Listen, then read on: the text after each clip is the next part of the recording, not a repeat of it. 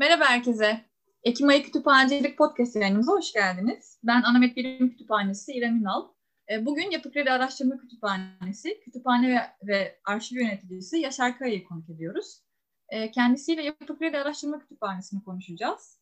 E, Yaşar Bey'e öncelikle davetimizi kırmayıp yayınımıza konuk olmayı kabul ettiği için çok teşekkür ederiz ve hoş geldiniz diyorum. Hoş buldum. Ben teşekkür ediyorum.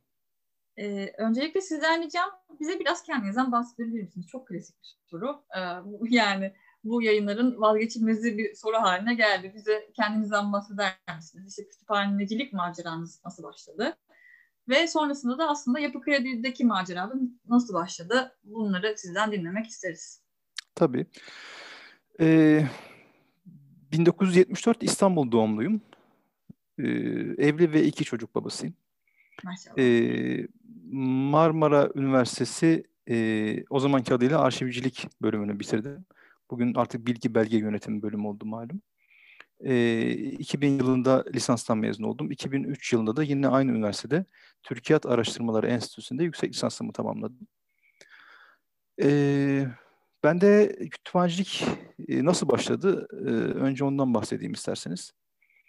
E, çocukluğumda televizyonda bazı haberlerde e, o yıllarda elde görüntü olmadığından dolayı aynı içerikli başka görüntüler kullanılırdı. Böyle görüntülerin aslında o habere ait olmadığını belirtmek için de ekranın bir köşesinde arşiv yazardı büyük harflerle. ee, ama her haberde bir yığın farklı görüntü gösteriyorlardı. Ben de en az gösterilenler kadar gösterilmeyenlerin de olduğunu düşünürdüm. Yani bu kadar görüntü ve bilgi nasıl oluyor da ihtiyaç duyulduğunda tekrar bulunup yayına hazırlanıyor biliyor diye merak ederdim çocuk aklımda. Sonra büyüdüğümde e, üniversite tercihlerimi yaparken bu düşünce aklıma geldi ve tercihlerimin arasına e, Marmara Üniversitesi Arşivcilik bölümünde sıkıştırıverdim. Hı E, kısmet de orasıymış. E, böyle güzel, güzel bir hikayesi varmış ama. Evet hakikaten yani hani e, kadar gidiyor. Ben bunu ilk defa anlatıyorum bu arada. Onu da söyleyeyim. Ya ne güzel. evet. Yani böyle bir yayında kısmet oldu. Tabii e, arşivcilik ve kütüphanecilik aynı şey değil belki. Ama birbirlerinden tamamen farklı da değiller. Değil tabii. E, birinden başlayınca diğeriyle de muhatap oluyorsunuz zaten. Evet. E, Yapı Kredi'ye gelince e, 1997 yılıydı sanırım. E, Yapı Kredi Kültür, Kültür Sanat Yayıncılık'ta e, staj yapmak için bir başvuruda bulunmuştum o dönem. E, üniversite ikinci sınıf e, sonları gibiydi. Kabul edildim. E, kendi adıma iyi bir staj dönemi geçirdim. E, sanıyorum buradakiler de hani o dönemki... Yazları mı oluyordu sizde de? Efendim? Yaz, yaz döneminde mi oluyordu staj? Tabii tabii yaz döneminde birer aylık stajlarımız vardı. Yine aynıydı böyle. E, ben e, çok keyif almıştım o stajdan. Yani hakikaten öğrendim de. E, burada iyi bir staj dönemi geçirtildi bize. E, onun sonrasında 2000 yılında e, YK'den bir teklif aldım. YK'ya yani Yapı, Yapı Kredi Kültür Sanat Yayıncılık Arşivi'nin kurulması projesi vardı. Hı hı. Ee, bana dönüş yaptılar hani o stajla ilgili olarak.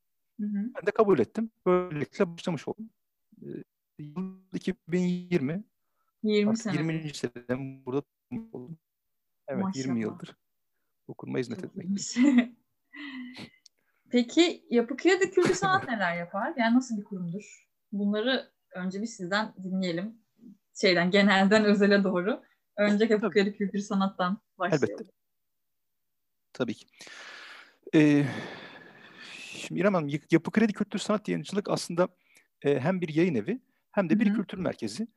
E, bu bağlamda kurumun e, faaliyetlerini de iki ana başlıkta düşünebiliriz.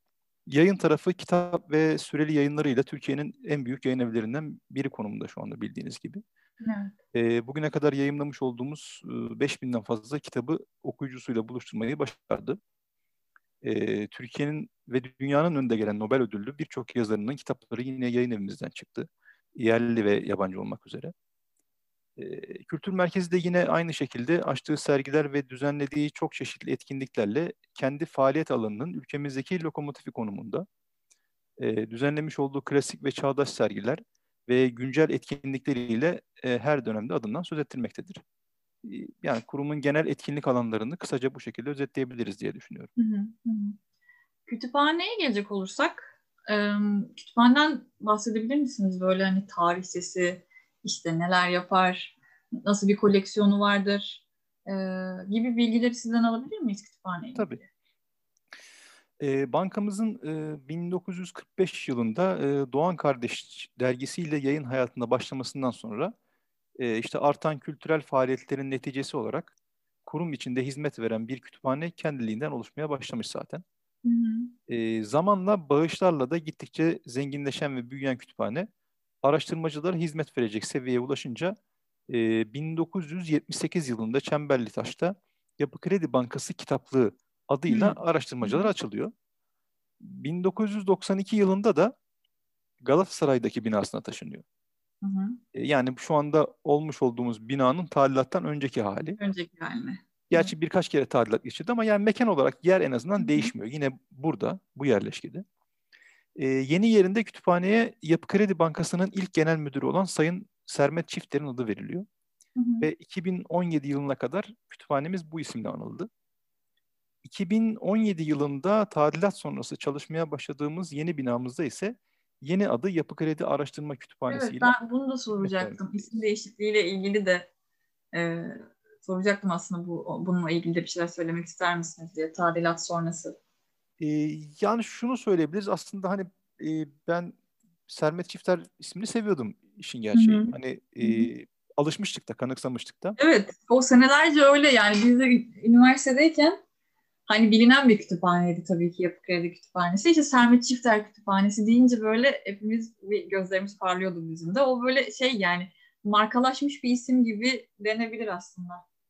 E, yani şöyle oldu. Yönetim e, bu binanın yenilenmesinden sonra yani bütün e, yerleşkelerinde ve birimlerinde Yapı Kredi isminin ön plana çıkmasını hı, istedi. Hı. Dolayısıyla bu bağlamda e, Yapı Kredi Araştırma Kütüphanesi olarak e, isminin değiştirilmesine karar verildi. Yani gerçi bu da daha akılda kalıcı oldu gibi sanki. Hani Evet, yani Sermet Çifter zaten biliniyordu ama Yapı Kredi Araştırma Kütüphanesi e, söylenim biraz daha kolay ve daha akılda kalırmış gibi geliyor bir taraftan da bana. Doğru. Yani ikisinden de memnunuz işin gerçeği. Çünkü çok fazla Hı-hı. işlevimize etkeden bir durum olmadı. Sadece bir isim değişikliği söz konusu. Peki inşaattan söz açılmışken o inşaat ve yenileme süreci kütüphane için nasıl geçti? Ve yani kütüphane e, inşaattan sonra neler değişti? Mekansal değişiklik dışında herhangi bir değişim oldu mu? Çünkü o inşaat zamanında ben hatırlıyorum. Biz yani o bina açılsın diye dört gözle bekliyorduk. İstiklal'in çünkü önemli bir binası e, hani açılacak, nasıl olacak, neler olacak çok merakla bekliyorduk açıkçası. Ve sizin için nasıl geçti bu süreç? Ee, ya aslında e, değişim daha ziyade mekansal oldu tabii. Yani e, mekansal değişime bağlı olarak işleyişte de bir değişikliğe gitmek durumunda kaldık. İnşaat sırasında peki kütüphane tamamen kapandı mı yoksa? Kapalıydı. Yani Hı-hı. hani kitaplarımızı da başka e, yani yine kurumun bünyesindeki depolara göndermek durumunda kaldık. Hı hı. E, o depolarda muhafaza edildi. Çünkü bu süreç biraz uzun sürdü. Biz e, hani binanın tadilatı 5 seneye yakın sürdü. Yanlış hı hı. hatırlamıyorsam 2012 13 gibi biz e, hani kütüphaneyi mecburen dışarıda kullan dışarıya kullanıma kapatmıştık. 2017 yılındaki tekrar buraya dönüşümüze kadar da kütüphanemiz. E, aktif olarak e, hizmet veremedi dışarıya. E, yani e, tabii işin sadece kütüphane boyutu değil, aynı zamanda arşiv kısmı da olduğu için e, çok bizim için sıkıntılı da geçmedi aslında. Hani içeride hep biriken mutfak tarafında bir takım işler vardı. Bunlarla meşgul olduk. Hı hı. E, süreci böyle atlatmış olduk. Ama yani tabii okuyucuların kütüphaneye gelmesi, kütüphanenin gerçek amacı açısından e, çok da farklı anlamlar ifade ediyor. Yani araştırmacı ve okuyucu olmadığında hani bir kütüphaneden e, hangi şartlarda ve ne ölçüde bahsedebilirsiniz? Bu da ayrı bir konu. Tabii. E, şu anda yine benzer bir süreç yaşıyoruz ama umarım çabuk sonlanır ve araştırmalarımızı tekrar kütüphanemize açabiliriz. E, peki kütüphaneyi kullanmak isteyen kullanıcılarla ilgili biraz bilgi verebilir misiniz? Yani m, halka açık bir kütüphane mi? Örneğin İstiklal Caddesi'nde gezmeye gelen biri e, kütüphane gördü ve girmek istedi. Bu giriş sağlanabiliyor mu yoksa üyelikle mi oluyor? e, üyelik de oluyor. Yani burası bir araştırma kütüphanesi. Dolayısıyla e, üyelik dışında e, içeriye ziyaretçi kabul edemiyoruz. Bununla ilgili bir takım şartlarımız var. E, yani mesela lise öğrencileriyle ilgili e, şu anda bir açılımımız yok maalesef. Hani 18 yaşını doldurmuş olması gerekiyor ortalama. E, dediğim gibi burası bir araştırma kütüphanesi ama üyelikle ilgili ben çok bir sıkıntı çıkarmıyoruz. İnternet web sitesi üzerinden üye olabiliyorlar üyelerimiz. Ondan sonra da buraya istedikleri zaman işte sabahleyin 10 ile 17.30 arasında akşam e, kütüphanemizi kullanabilirler. Yani kütüphanemizi mekan olarak da kullanabilirler. Buradaki yani, yayın, yayınlarımızdan da istifade edebilirler. Kişilerin üniversite öğrencisi olması vesaire gibi koşullarınız var mı? Yani şu bölümde... Ya lise öğrencilerini kabul etmiyoruz işin gerçeği. Ha, öyle bir öyle öyle bir kriterimiz var şu an. Anladım. Yani hani sınav çalışmak için değil de kaynakları kullanmak için gelecek kişiler gibi ee, özetleyebiliriz aslında. yani hani burada lise öğrencilerimiz de hani alınmasın onların da e, Evet tabii. Ama hani böyle bir karar alındı. Çünkü kütüphanenin formatı bu. Burası bir araştırma kütüphanesi evet. olduğu için. Böyle bir kararımız var. Ee, yani bu benden önceki dönemde de böyleydi. Bu e, süreç devam ettirildi, sürdürüldü. Yani Yapı Kredi Araştırma Kütüphanesi açısından böyleydi. E, Sermet Çifter zamanında yanlış hatırlamıyorsam ben o dönem kütüphanede değildim. Hı hı. E, bu kriter yoktu diye hatırlıyorum. Yani hı hı. o zaman o zaman gelinebiliyordu ama bu e, Yapı Kredi Araştırma Kütüphanesi ile beraber böyle bir düzene geçildi. Peki koleksiyon içeriği olarak şimdi Yapı Kredi diye düşününce e, roman mı var sadece diye bir soru soracağım. E, ama ne tarz kitaplar var kütüphanede konsol olarak? E, aslında e, yani şimdi orada da e, ikiye ayırmamız lazım. Bir, e, kütüphanede bizim hani kendi yayın evimizin, Yapı Kredi Kültür Sanat Yayıncılığın e, üretmiş olduğu kitaplar var ki hı hı. yani buradaki okuma salonumuzda, kütüphanenin kendi merkezinde fiziki olarak biz sadece bu kitapları tutuyoruz. Yani Yapı Kredi Kültür Sanat Yayıncılığı'nın üretmiş olduğu kitaplar. Bizim şu an koleksiyonumuzda yaklaşık 35 bin kitap var. Hı hı. E, işte 4 binden fazla e, dergimiz var. Bunların Yapı Kredi yayınları olmayanların tamamı başka bir e, yerleşkede. Yani e, buranın dışında bir yerde bir depoda tutuluyor. Onları randevu e, usulüyle getiriyoruz buraya. Yani e, araştırmacımız ya da kullanıcımız bize öncesinde bilgi veriyor. Ben işte bu kitabı istiyorum diyor. E, biz de ona gün veriyoruz. Şu gün e, gelebilirsiniz diye. O kitap oradan getiriliyor. Ondan sonra burada e, kitaba bakma şansını elde edebiliyor. Bu hmm. tamamen yerle ilgili bir sorun bu arada. Hani bunu özel hmm. olarak bu halde yapmadık ama yani arşiv ve kütüphanelerdeki temel problemlerden biri de o sürekli büyüyor. Yani mekana ihtiyaç evet. hiçbir zaman için bitmiyor. Evet, Yeni çözümler üretmek zorundasınız. Yani bu şu anki çözümümüz mecburen bu. Ee, yoksa biz de hani e, elimizin altında gelen kullanıcımızı geri çevirmeden ya da onları belli zaman dilimlerine mahkum etmeden hemen hizmet vermek isterdik ama şartlarımız Hı-hı. şu an buna el veriyor maalesef. Ama yapı kredi yayınları ile ilgili olarak böyle bir sıkıntı yok. Ee, en azından şimdilik yok. Ee, araştırmacılar geldikleri zaman kendi yayın kitaplarından istifade edebiliyorlar. Peki kütüphane olarak e, düzenli olarak bir etkinliğiniz vesaire ya da düzenli olmasa da e, herhangi bir etkinlikler vesaire yapılıyor mu? Ee, aslında düzenli olarak yapılıyor diyebiliriz. Ee, yani biz hani işte her yıl Mart ayının ilk haftasındaki kütüphanecilik evet. haftasında zaten aktif olarak rol almaya çalışıyoruz. Ama Hı-hı. onun dışında mesela bizim e, işte binamız içerisindeki etkinlik alanında e, büyük vitrinlerimiz var. Orada e, kitapları belli periyotlarla değiştirerek sergilemiş oluyoruz. Onun dışında e, kütüphane, kütüphanemizin kendi içinde vitrinlerimiz var işte e, 50 sayıda. Yine orada da özellikle nadir eserlerimizi sergiliyoruz. E, bunların da tabii e, içerikleri farklı oluyor. Daha çok imzalı e, ve ithaflı kitapları e, konusal olarak seçiyoruz. Yani bu sergiler yapılırken belirli bir tema dahilinde yapılıyor işte. Ya imzalıysa imzalı ya da belli bir e, zaman dilimine özgü işte özel bir günse özel bir haftaysa e, buna yönelik kitaplar sergiliyoruz. Tabi bu dönem itibariyle biraz e, yazık ki ondan da geri kaldık. Çünkü e, hani pandemi bizi o anlamda da etkiledi.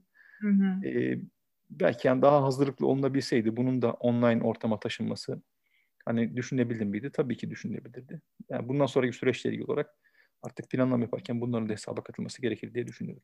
Tabii hepimiz yavaş yavaş alışıyoruz zaten bu sürece. Herkes bir en başta ne olduğunu şaşırdı tabii doğal olarak. Ya işin gerçeği alışmak da istemiyorum İrem Hanım ya. Yani hani umarım alışmak zorunda kalmayız öyle söyleyelim. Hani... E tabii ama mecbur yani o tırnak içindeki yeni normal hepimiz. Evet yeni normal denen bir şey var. Hani gibi. Hani çok hoşuma gitmiyor o cümle ama buna da mecburuz galiba.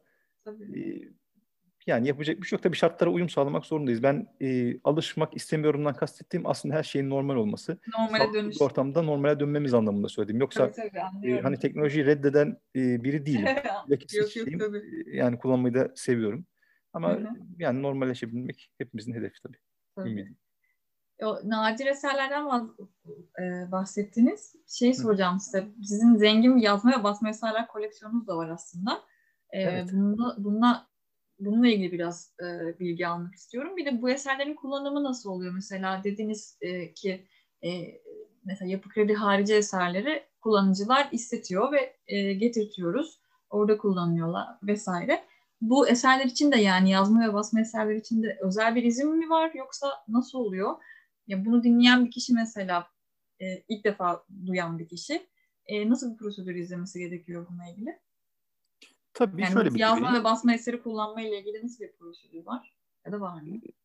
İsterseniz önce biraz eserlerden bahsedeyim. Tabii. Bizim e, şu an hani ko- kütüphanemizin koleksiyonundaki kitapların 1635 adedi yazma eser. E, 1900 adette nadir eserimiz bulunmakta. E, bunları diğer materyallerden ayrı olarak daha hassas ortamlarda muhafaza ediyoruz. E, yazma ve nadir eserlerimizin orijinallerini hiçbir şekilde kullanım açmıyoruz. Önce onu söylemiş olayım. Hı hı. Ama e, yazma eserlerimiz daha önceki dönemlerde dijital ortama aktarılmış olduğundan eserlerimizin dijital kopyalarını araştırmacılarımızın kullanımına sunabiliyoruz. Bunun için özel bir izne gerek yok. Önce onu söylemiş olayım. E, poz başına belirlenmiş bir ücret var. Bu ücret yatırıldığında eserlerimizin e, Yapı Kredi Kültür Sanat Yayıncılık filigranlı dijital Hı hı. kopyalarını yine dijital ortamda araştırmacılara ulaştırıyoruz. Yani tek kriterimiz o. Bir ücreti var o yatırıldığında araştırmacı. Yani biz araştırmacıyı araştırmıyoruz. Hani bu ne için ister? Hı. Akademik bir Hmm. çalışma mı yapacak yoksa başka bir şey mi? Tabii söylerse hani kurumun bir takım politikaları var. Ben bundan kitap basmak istiyorum gibi bir e, bilgi gelirse bu hani e, bizim de e, bunu kendi aramızda konuşmamız gerekiyor. Çünkü biz bir yayın eviyiz. Hı hı. E, Çünkü eserlerimiz daha çok akademik çalışmalar için isteniyor. Biz de akademik çalışmalar için hani buna müsaade ediyoruz. Hı hı. Onun dışında bir açılımımız yok. Peki bir arşiv oluşturma projeniz var galiba. Ee, Bununla ilgili merak ediyorum. Sizden bilgi almak istiyorum. Neler söylemek istersiniz bununla ilgili? Ee, tabii. Ya aslında e, konuşmanın başında da söylemiştim. Yani benim Yapı Kredi Kültür Sanat Yayıncılık'taki işe başlama sürecimde de değinmiştim. Hı hı. Biz var yani 2000 yılında kullanılmaya e, daha doğrusu profesyonelliğe geçen o dönem kurulan bir arşiv var. Hı. E, o çalışmada da görev almıştım ben. Ama bir de kütüphanenin envanterine kayıtlı arşiv malzemelerimiz var. Aslında o hani buradaki arşiv kurma projesi daha çok onu ifade ediyor. Hı hı. E, bunlar daha çok önemli kişilere ait şahıs arşivleri. İşte aralarında Şevket Rado, Abdülhak. Şinasi Hisar, Melih Cevdet Anday, işte Hüsamettin Bozok ve Yeditepe arşivi gibi e, kültür ve yazın alanından önemli kişilerin arşivleri yani bir yandan düzenlenip e, bir yandan da dijitalleştiriliyor. Mesela e, Melih Cevdet Anday arşivi düzenlenip dijital ortama aktarıldı. Hı hı. E, dijital ortamdaki kayıtlar da kurum içinde personelin kullanımına açıldı şu anda. Hı. E, amacımız tüm arşiv malzememizi düzenleyip dijitalleştirerek erişilebilir hale getirmek. Şu anda çalışmalarımız zaten bununla ilgili devam ediyor. Tabii gerekli şartlar oluştuğunda bunların araştırmacılara açılması da gündeme gelebilir. Hani bununla ilgili şu an net bir şey söyleyemem tabii. E, Hı hı. hani burada çok fazla parametre devreye giriyor. Kurum içerisinde bu hani şartların oluşması lazım. E, bu malzemelerin sahibi olduğu işte varisler var, aileler var. Onların Hı hı. tabii izni olmadan Hı hı. bu söz konusu olmayabilir. Ama en Hı. azından kurum içerisinde şu anda biz bunu sağlamış olduk. Bir yandan da düzenleme devam ediyor. Elimizde yani binlerce bu tür malzeme var. Hani adet bazında tek tek e, parça bazında sayarsak binlerce vardır. Yoksa e, arşiv olarak saydığımızda o kadar yok tabii. Çok iyi. Ee, şimdi size bir soru soracağım. Merak ettiğim bir şey. Bu aslında Anamed için de geçerli. Yapı Kredi için de tabii ki geçerli. Ee, bilinen ve göz önünde bulunan bir kütüphane olmanın avantajları ve dezavantajları nelerdir sizce? Yani mesela kullanıcılardan duyduğunuz negatif ya da pozitif şeyler birbirine benzer mi? Ee, yani hep böyle aynı şeyler duyuluyor mu işte? Yani siz yapı kredisiniz nasıl böyle olur? Ya da ne güzel işte yapı kredine yakışır olmuş vesaire gibi şeyler çok duyuluyor mu? Yani aslında e, tam olarak öğrenmek istediğim şey işte göz önünde ol, ol- e, göz önünde bu- olan bir kütüphanenin e, yani bunun avantajları ve dezavantajlarını yaşıyor musunuz? Yani yaşıyoruz tabii. Şimdi e, hani göz önünde olmak hem daha dikkatli ve özenli olmayı gerektiriyor. E, hem de bir motivasyon nedeni aslında. Yani e, özellikle günümüzde bir sosyal medya gerçeği var. Hı hı. E, her ne kadar e, birey de olsak kurumsal bir firmada göreviniz e, kurumunuzu da en iyi şekilde temsil etmenizi gerektirebiliyor. İnsanlar iyi ya da kötü e, yaptığınız şeyleri yalnızca şahsınıza mal edip geçiştirmeyebiliyorlar. Hı hı. Dolayısıyla sadece bireysel olarak hareket etme şansımız olmadığını düşünüyorum. Yani hı. konuşmalarımızda ya da kararlarımızda, tavırlarımızda e, bu durumu göz önünde bulundurmak zorundayız. Hani hem e, gelen ziyaretçilerimizle ilişkilerimizde bunu bu şekilde yapmamız gerekiyor. Hem de belki yani kurum dışındaki hayatımızda da yerleştirmemiz gerekiyor bu davranışlarımızı kendi yaşam tarzımıza. Hı hı. Bakış açınıza göre avantaj ya da dezavantaj olarak yorumlanabilir tabii bu durum. Ben bardağın dolu tarafını görmeye çalışan biriyim. Yani bunun daha çok avantaj olduğunu söyleyebilirim. Hani o e, dışarıdan gelecek eleştiriye göre kişinin e, pozisyon almasını. Yani bugüne kadar bu anlamda şahsımı sıkıntıya sokacak bir durum yaşamadım. Umarım bundan sonra da yaşamam. Yani burada en büyük zorluk aslında kişinin e, kendisinden ziyade kurumu ile ilgili e, bir probleme sebebiyet vermemeye çalışması. Yani umarım e, bu konuda problem yaşamayız. Yani şahsımla ilgili olarak çalışmış olduğum kurumun e, sıkıntı çekmesini istemem şahsen. Hı hı, tabii. O ağır bir sorumluluk diye düşünüyorum. Öyle. Ee, çok sevmediğiniz bir konuya geçiyorum. Ee, Covid-19 döneminde kütüphane ve kredi kültür sanat neler yaptı, nasıl geçti ve aslında nasıl geçiyor? Yani maalesef e, hala devam ediyor. Bundan mutlu olmasak da. Ve önümüzdeki günlerde kullanıcıları bekleyen değişiklikler var mı? Yani nasıl, ne değişiklikler yapıldı şimdiye kadar? Bu değişikliklerin üzerine yeni değişiklikler eklenecek mi? Ee, ya açıkçası e, herkes gibi bizim için de alışılmadık ve yeni bir deneyim oldu Covid-19. 17 ee, Mart'tan sonra 1 Haziran'a kadar e, yaklaşık 2,5 ay gibi bir süre kurum olarak uzaktan çalıştık.